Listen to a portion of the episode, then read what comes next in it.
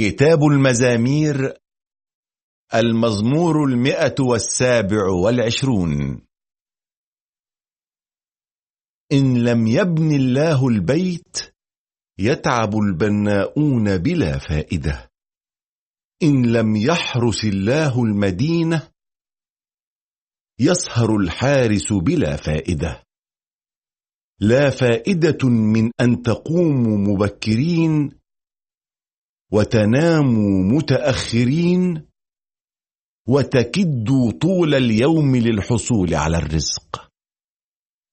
لأن الله هو الذي يرزق أحباءه حتى وهم نيام. البنون بركة من الله الأولاد أجرة منها.